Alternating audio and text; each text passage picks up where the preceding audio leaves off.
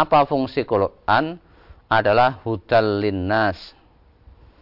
Sebagai petunjuk bagi manusia. Ya. Menunjuki kepada jalan yang lurus. Ya. Siratal mustaqim. Itu ya harus dengan Al-Quran.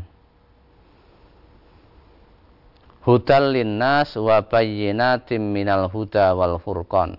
Ya. Petunjuk bagi manusia Kemudian dijelas-jelaskan petunjuk itu. Ya, tidak hanya sebagai petunjuk, tapi ada penjelasannya secara rinci. Secara mufassalah, secara terperinci. Di samping itu, juga sebagai al-furqan. Sebagai pemisah antara yang hak dan yang batil.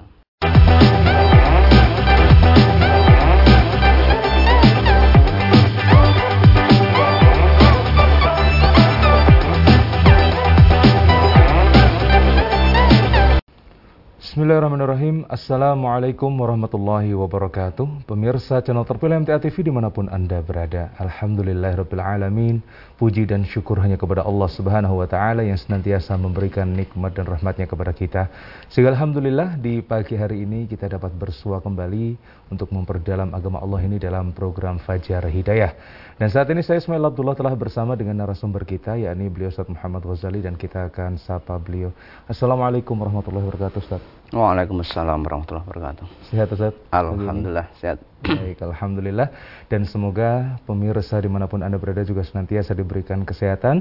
Dan tak lupa kita ingatkan untuk terus menerapkan protokol kesehatan. Dan untuk Anda, saudaraku yang ingin bertanya, nanti silahkan di line telepon di 02716793000 ataupun di SMS dan WA di 08112553000. Dan kita akan simak materi dari Ustaz Ghazali. Silakan Ustaz. Ya. Bismillahirrahmanirrahim Assalamualaikum warahmatullahi wabarakatuh. Alhamdulillah. Alhamdulillahi rabbil alamin. Alladzi anzalal Qur'an Fi syahri Ramadan Hudal linnasi wa bayyinatin minal huda wal furqan. Asyhadu an la ilaha illallah wahdahu la syarikalah wa asyhadu anna Muhammadan abduhu wa rasuluh. Allahumma salli wa sallim wa barik ala Muhammad wa ala alihi wa sahbihi ajma'in. Qala Allah Ta'ala fi kitabihil karim A'udzu billahi minasyaitonir rajim Ya ayyuhalladzina amanu taqullaha haqqa tuqatih wala tamutunna illa wa antum muslimun wa qala aidan ya ayyuhalladzina amanu kutiba alaikumus siyam kama kutiba alal ladzina min qablikum la'allakum tattaqun. Rabbi srah li sadri wa yassir li amri wahlul 'uqdatam min lisani yafqahu qawli. Alhamdulillah senantiasa kita selalu memanjatkan rasa syukur kita kepada Allah Subhanahu wa taala atas segala limpahan curahan nikmat yang telah diberikan kepada kita. Nikmat yang begitu berkualitas, nikmat yang jumlahnya tidak terbatas. Sehingga yang paling baik kita lakukan sebagai hamba Allah adalah kita bersyukur kepadanya. Memanfaatkan, mengoptimalkan, menggunakan nikmat yang sudah kita rasakan ini, kita salurkan, kita gunakan pada hal-hal yang menjadikan Allah ridho kepada kita. Allah sayang kepada kita. Allah memberikan rahmat kepada kita. Sehingga harapan yang besar bagi kita adalah bagaimana kita besok di akhirat masuk ke dalam surganya Allah Subhanahu wa taala. Itu tujuan yang paling mulia bagi manusia ketika hidup di dunia ini. Sebagaimana yang telah difirmankan yang sudah sering disampaikan oleh para khotib, para dai, para mubalik dan sebagainya. Bahwa tujuan hidup manusia yang hakiki ketika Allah menciptakan manusia di dunia ini adalah dalam rangka untuk menghambakan diri kepada Allah. Sebagaimana yang termaktub di surat Az-Zariyat ayat 56 itu, "Wa ma khalaqtul jinna wal insa illa liya'budun." Tidaklah aku Allah menciptakan jin dan manusia kecuali untuk beribadah kepadaku. Salawat serta salam semoga senantiasa tertuju kepada uswah hasanah kita sebagai khatimul anbiya sebagai penutup para nabi yang risalahnya akan berlaku sampai pada hari kiamat. Selanjutnya para pemirsa Hingga TV dan juga para pendengar radio Persada FM dan juga radio yang berada dalam jaringan Bulan Ramadan adalah bulan yang spesial dari 11 bulan yang lain. Sehingga di dalam Ramadan ini Allah mewajibkan bagi hambanya untuk menahan diri, untuk berpuasa, atau sebagai bulan yang dipakai untuk penggemblengan atau penggojlokan dari jiwa manusia agar kemauannya atau kehendaknya terdidik. Atau sering diistilahkan dengan bulan tarbiyah ya, bulan pendidikan pada jiwa manusia karena akan menjalani 11 bulan setelah bulan Ramadan. Ini akan membawa efek membawa pengaruh bagi bulan-bulan berikutnya. Bulan Ramadan juga sering disebut sebagai bulan Syahrul Quran. Bulan Al-Quran. Kenapa disebut bulan Al-Quran? Karena di dalamnya, di dalam bulan Ramadan tersebut juga diturunkan wahyu Al-Quran. Yang sering orang menyebutkan dengan nuzulul Quran. Turunnya wahyu Al-Quran sebagaimana yang telah difirmankan oleh Allah di surat Al-Baqarah itu ayat 185 Syahrul Ramadan alladzi unzila fihil Quran. Bulan Ramadan. Itu bulan yang padanya diturunkan Al-Quran Yang menjadi pertanyaan sekarang kita sebagai orang Islam, sebagai orang Muslim, ada yang sudah jadi orang Muslim itu sejak dari lahir. Ini ada. Atau sudah sekian tahun. Quran yang diturunkan pada bulan Ramadan yang kebanyakan orang di bulan Ramadan ini banyak yang berlomba-lomba untuk membaca Al-Quran. Ada yang mengazamkan akan menyelesaikan membaca tiga kali khotam. Tiga kali selesai. Memang itu juga betul sesuatu yang membawa dampak yang baik berpahala. Setiap huruf dapat 10 kebaikan. Tetapi yang terpenting dari Al-Quran itu sendiri, bagaimana kita bisa berinteraksi dengan Al-Quran. Bagaimana kita bisa Quran itu kita jadikan sebagai jalan hidup, sebagai petunjuk, sebagaimana yang telah di difirmankan oleh Allah di surat Al-Baqarah pada ayat yang awal itu. Zalikal kitab la raiba fihi. Zalikal kitab, kitab itu. Yang dimaksud adalah Al-Quran.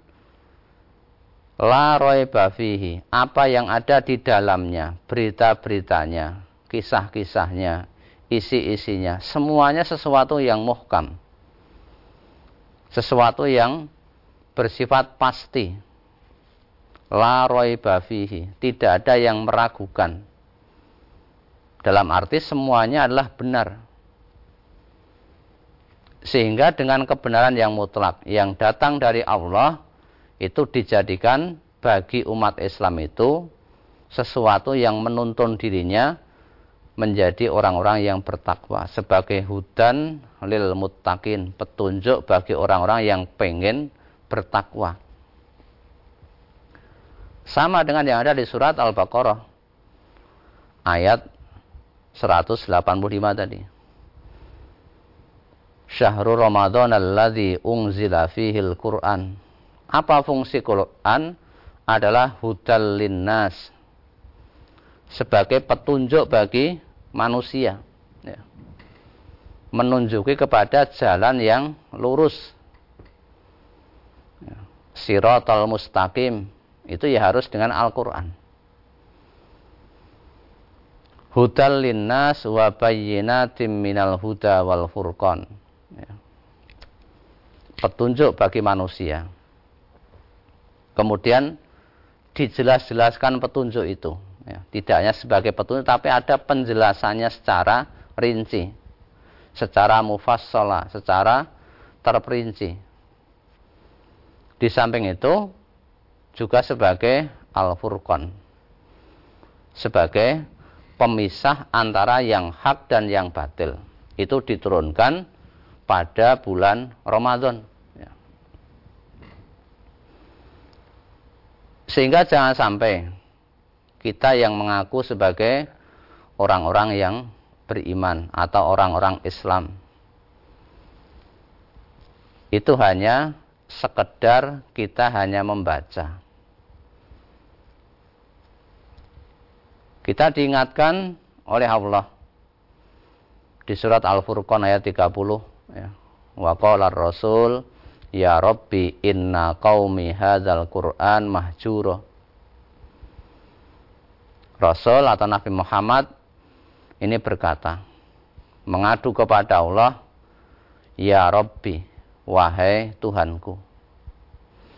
Inna qaumi sesungguhnya kaumku ittakhadhu hadzal Qur'an. Ya.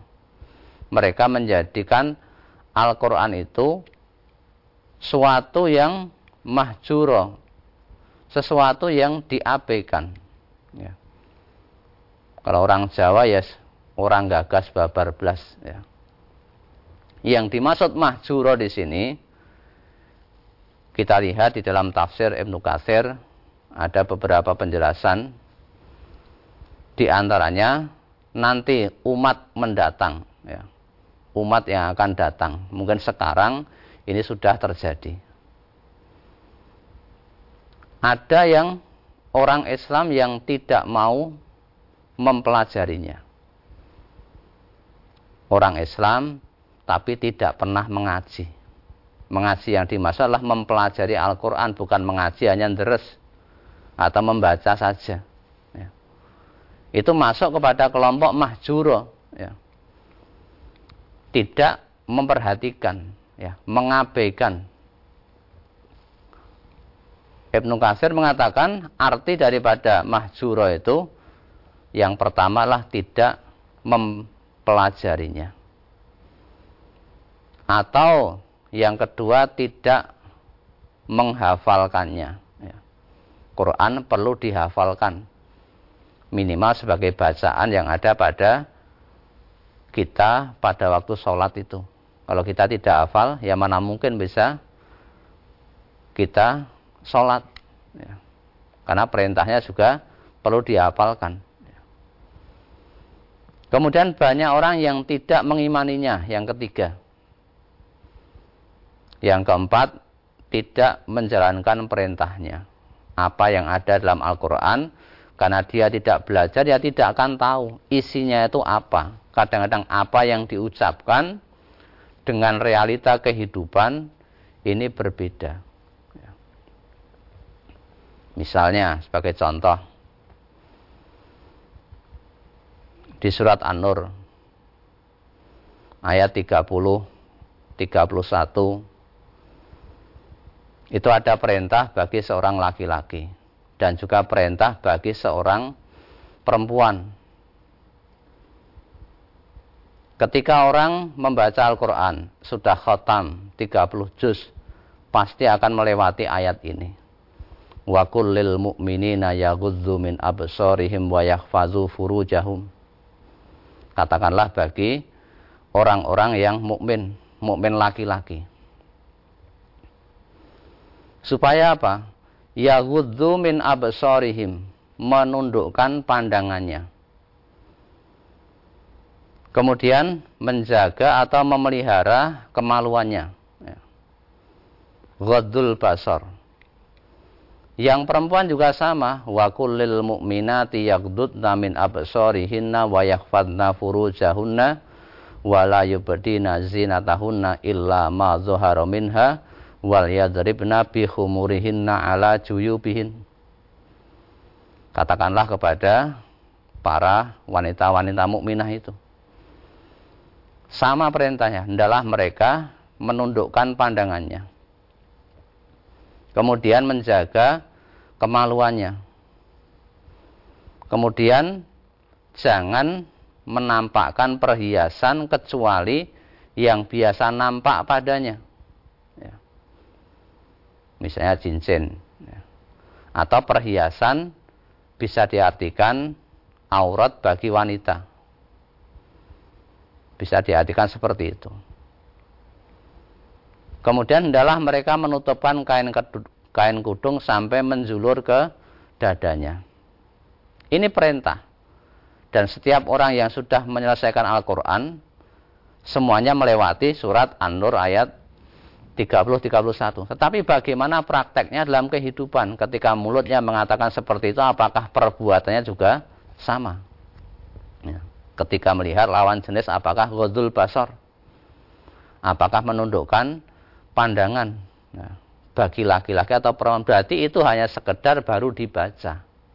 Belum dipelajari, belum diimani, belum ditadaburi.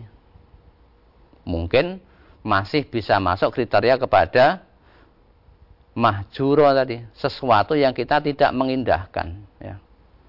tidak memperhatikan, tidak mempelajari dengan seksama. Dan masih banyak ayat yang lain misalnya ya ayyuhalladzina amanu taqullaha wa qulu qaulan sadida.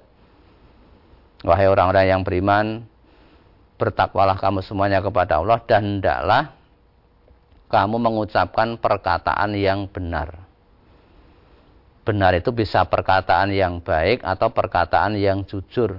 Lah berapa banyak orang-orang yang ketika kiroah melewati ayat itu tapi masih tiap hari berbohong, berbuat curang, menipu dan sebagainya. Ini namanya kan tidak sesuai apa yang diucapkan dengan perbuatannya, ya. Tidak match, tidak gatuk. Kenapa bisa seperti itu? Karena tidak mempelajari, ya. Maka Al-Quran itu diperintahkan supaya kita mentadaburi ayat-ayatnya. Pertama mungkin kita baca dulu. Ya. Wa idza quri al-Quran fastami'u lahu wa ansitu la'allakum turhamun. Ya. Apabila dibacakan Al-Quran, maka agar kita mendapatkan rahmat dari Allah supaya estima dan insat. Kita mendengar dan diam memperhatikan. Atau kita juga harus mentadaburi Al-Quran. Ini perintah dari Allah di surat Sad ayat 29 itu.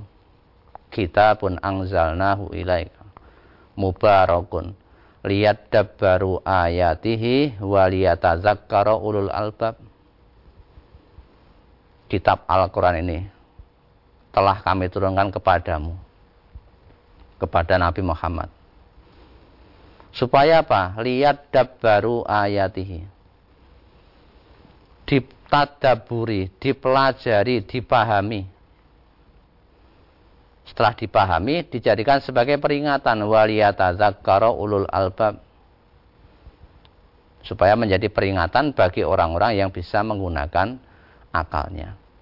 Maka sebetulnya kebanyakan dari orang Islam yang ada sekarang ini kenapa mereka masih melakukan pelanggaran-pelanggaran atau perbuatan yang tidak sesuai dengan Quran karena mereka belum mau mempelajari dengan baik tingkatannya Quran baru dijadikan sebagai bacaan untuk mengumpulkan pahala yang banyak. Satu huruf, sepuluh kebaikan. Satu Quran berapa huruf?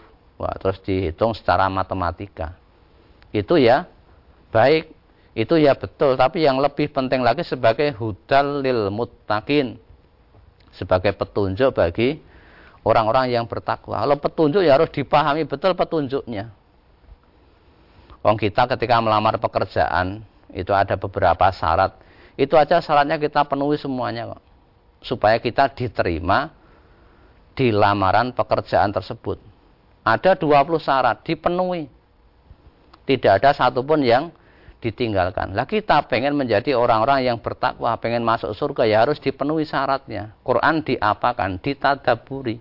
Jangan sampai diacuhkan mahjuro tadi. Ya.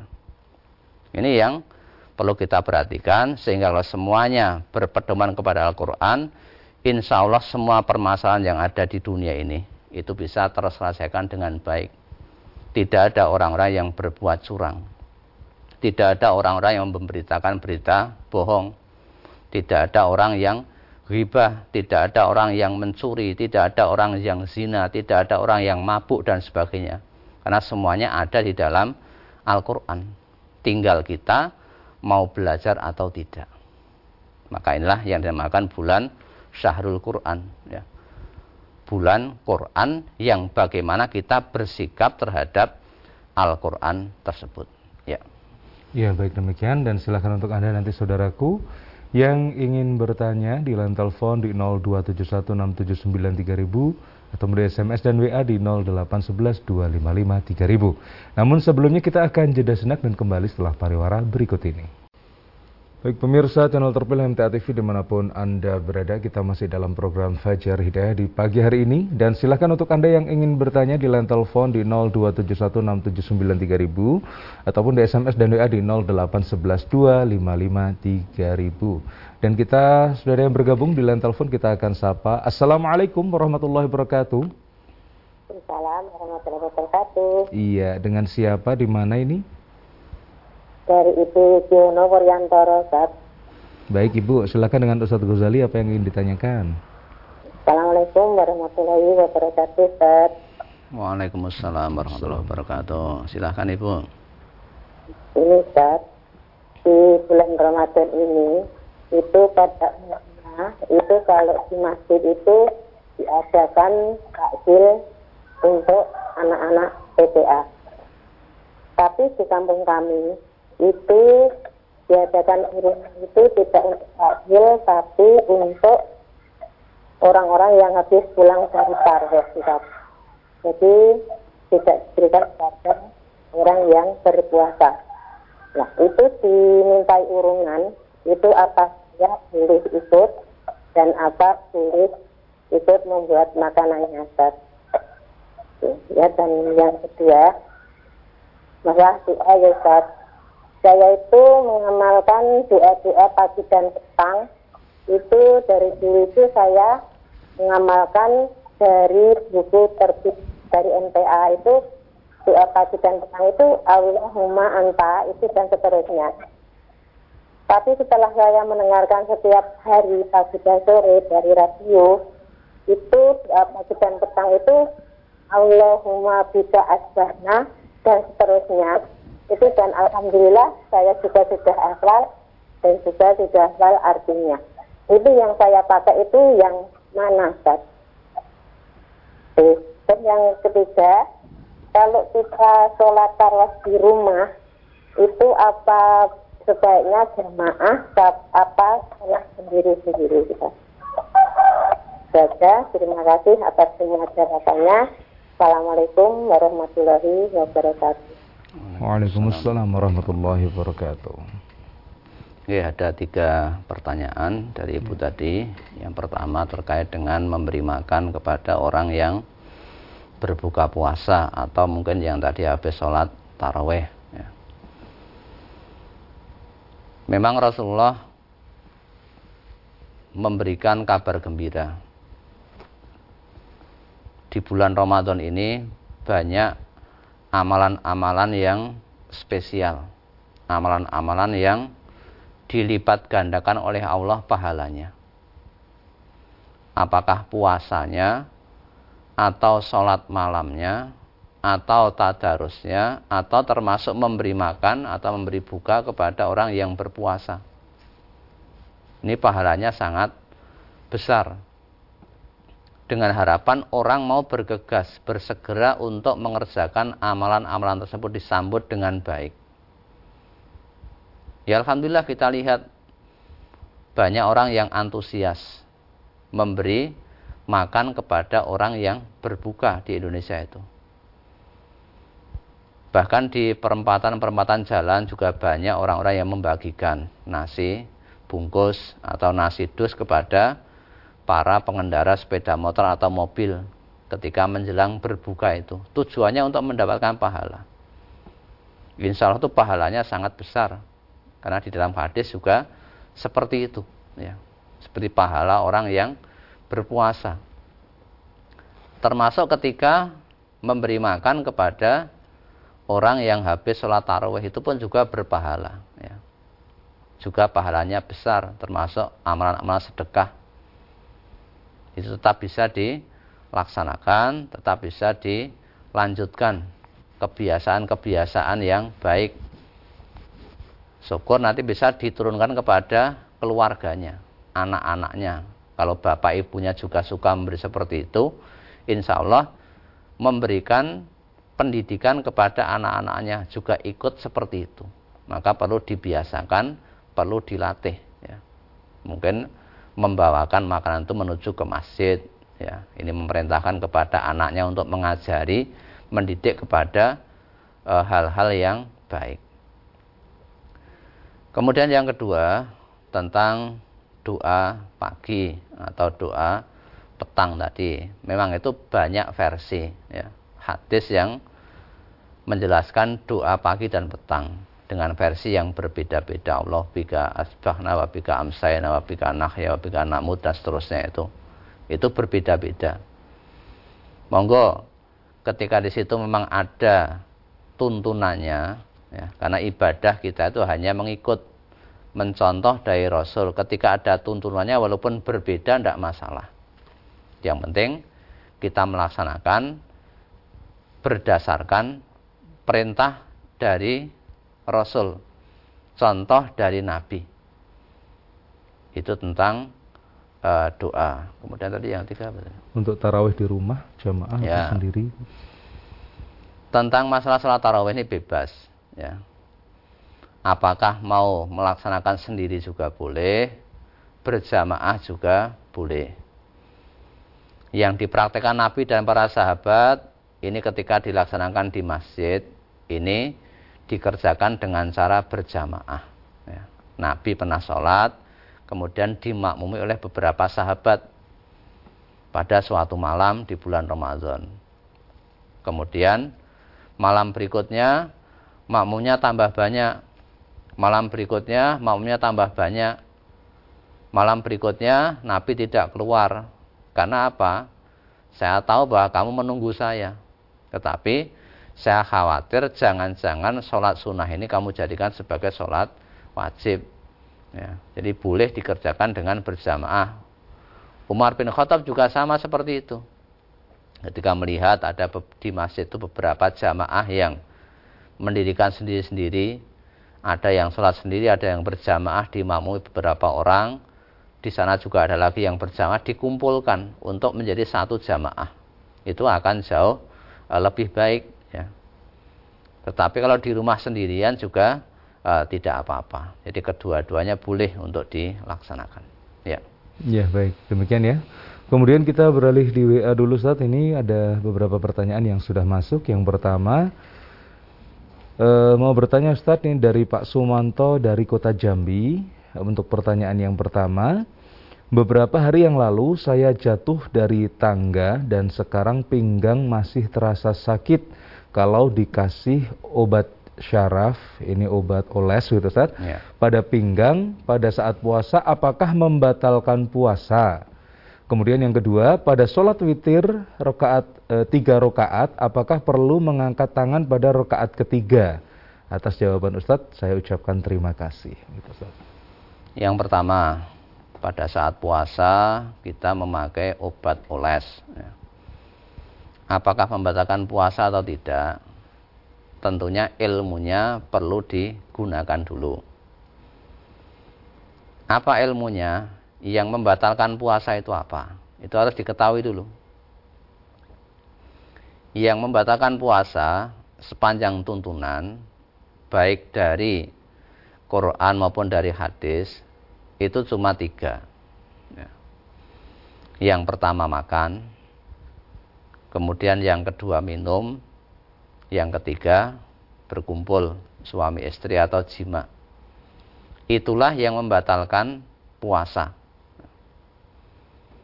Merokok itu kan termasuk dari bagian dari makan dan minum itu.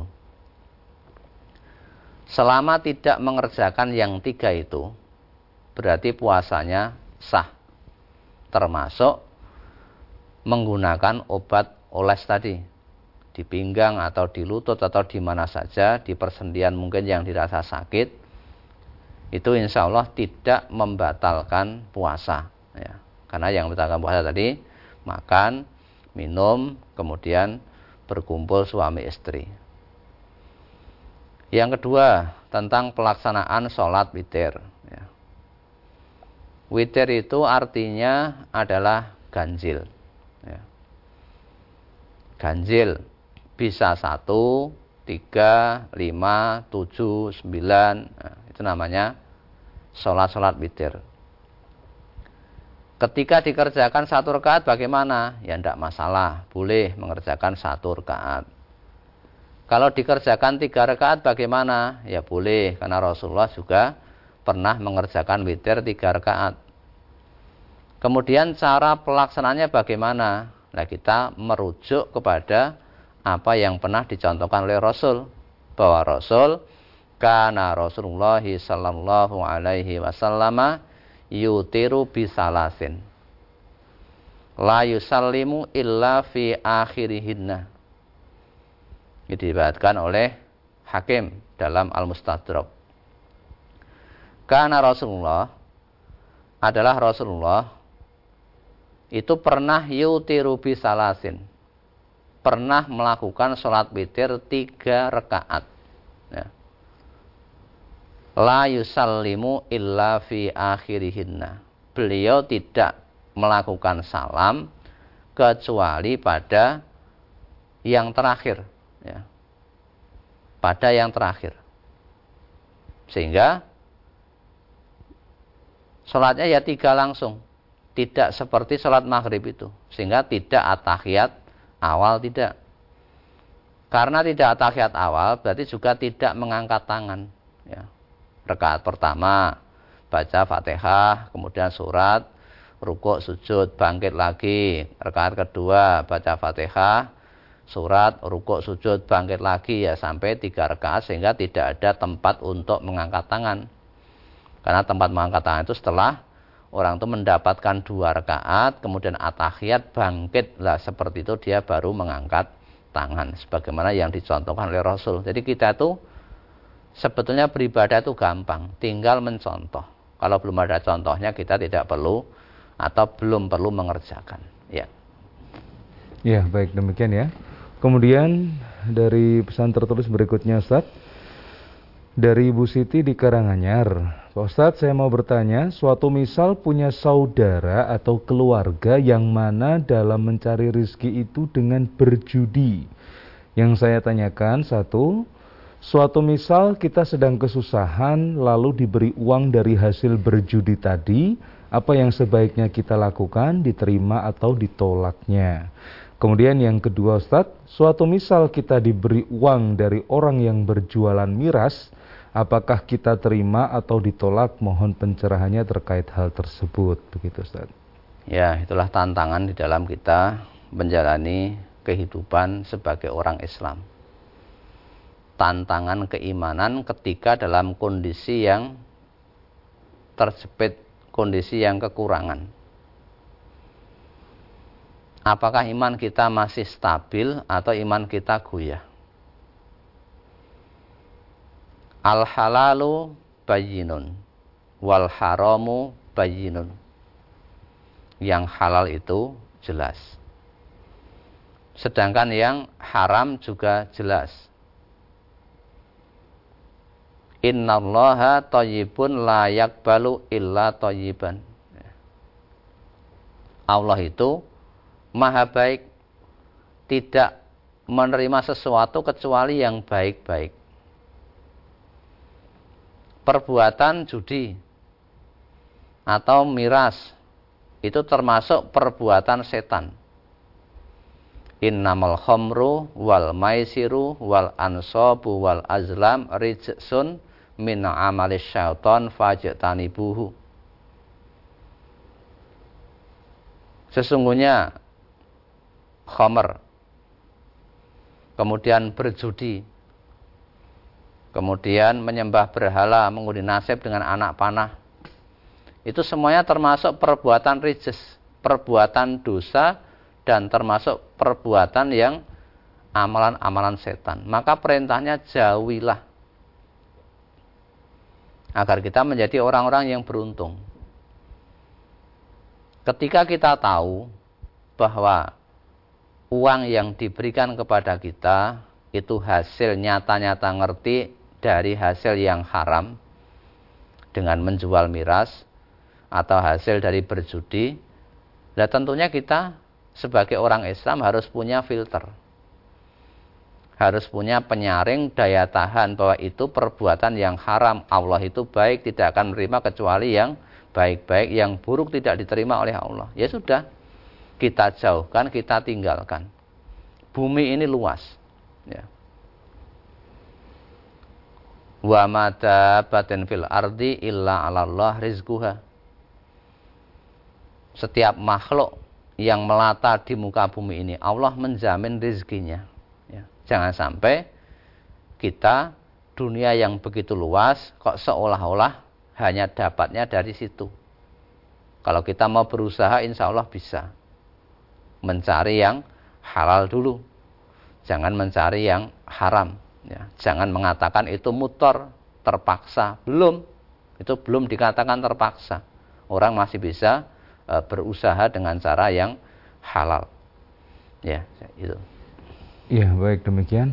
Dan Ustadz kita sudah berada di penghujung waktu di kesempatan kali ini Ustadz. Namun sebelumnya mungkin ada pesan sebelum di akhir Ustadz silakan.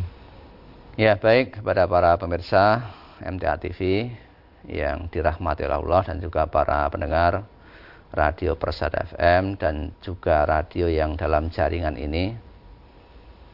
Alhamdulillah pada pagi hari ini kita sudah mempelajari beberapa ayat-ayat Allah dan juga hadis dari Rasulullah yang pada pagi hari ini kita mengambil tema bahwa bulan Ramadan ini sebagai Syahrul Quran bulan Al-Quran bagaimana kita berusaha ya, untuk menjadikan Al-Quran itu sebagai petunjuk. Petunjuk yang menerangi langkah kita. Yang mengarahkan langkah kita menuju kepada surga. Kalau itu petunjuk ya bagaimana kita harus memahami petunjuk tersebut. Bahasanya Arab ya bagaimana kita mencari terjemahnya sehingga apa yang kita baca itu bisa kita pahami. Bisa kita hafalkan, kita imani, kita amalkan. Itu yang paling penting bagaimana kita berinteraksi dengan Al-Quran. Yang dikatakan bulan Ramadan sebagai syahrul Quran. Bulan Al-Quran. Di awal sudah kita sampaikan dari penjelasan Ibnu Katsir ya, dalam tafsirnya Ibnu Katsir ini Jangan sampai kita menjadikan Quran itu sesuatu yang mahjuro, sesuatu yang diacuhkan, ya. tidak begitu diperhatikan. Bentuk-bentuk mahjuro tadi, sesuatu yang diabaikan, itu di antaranya tadi sudah kita sebutkan, kita tidak pernah atau jarang mempelajarinya. Bagaimana akan paham dengan petunjuk? tidak pernah menghafalkannya, bagaimana kita akan bisa hafal? Bagaimana kita bisa sholat? Tidak mengimaninya, isinya kita tidak percaya. Ya. Bahwa besok akan ada hari akhir, hari pertanggungjawaban. Kemudian tidak menjalankan perintah karena isi Quran berupa perintah dan larangan. Lah perintah tidak kita kerjakan, tok pengen masuk surga, ya tidak mungkin. Kemudian tidak mau mentadaburinya, tidak mau mempelajari dengan seksama sampai paham. Sehingga kelima-limanya ini ya harus kita lakukan kalau kita mengaku mendapik diri sebagai orang iman. Nah, orang iman, orang Islam malah mengabaikan atau tidak mempedulikan Al-Quran. Maka akibatnya nanti ya kita akan menjadi orang yang sengsara. Maka di bulan Ramadan ini mari kita berlomba-lomba. Ya, fastabiqul khairat untuk meningkatkan meningkatkan pemahaman kita tentang Al-Quran. Jangan berhenti pada membacanya saja. Tapi dilanjutkan, kita memahami artinya. Ini artinya apa? Ayat yang seperti ini. Ya. Wala tajassasu.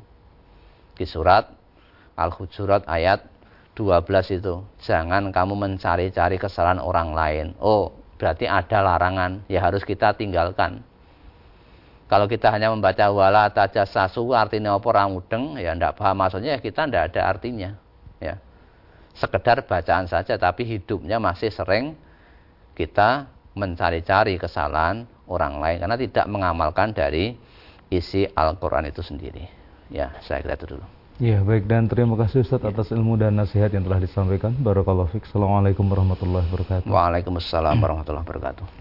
Pemirsa channel terpilih MTA TV di mana pun Anda berada, demikian program Fajar Hidayah di pagi hari ini. Terima kasih untuk Anda yang sudah menyimak dan semoga kita senantiasa istiqomah di dalam kebaikan dan belajar ilmu agama Allah ini.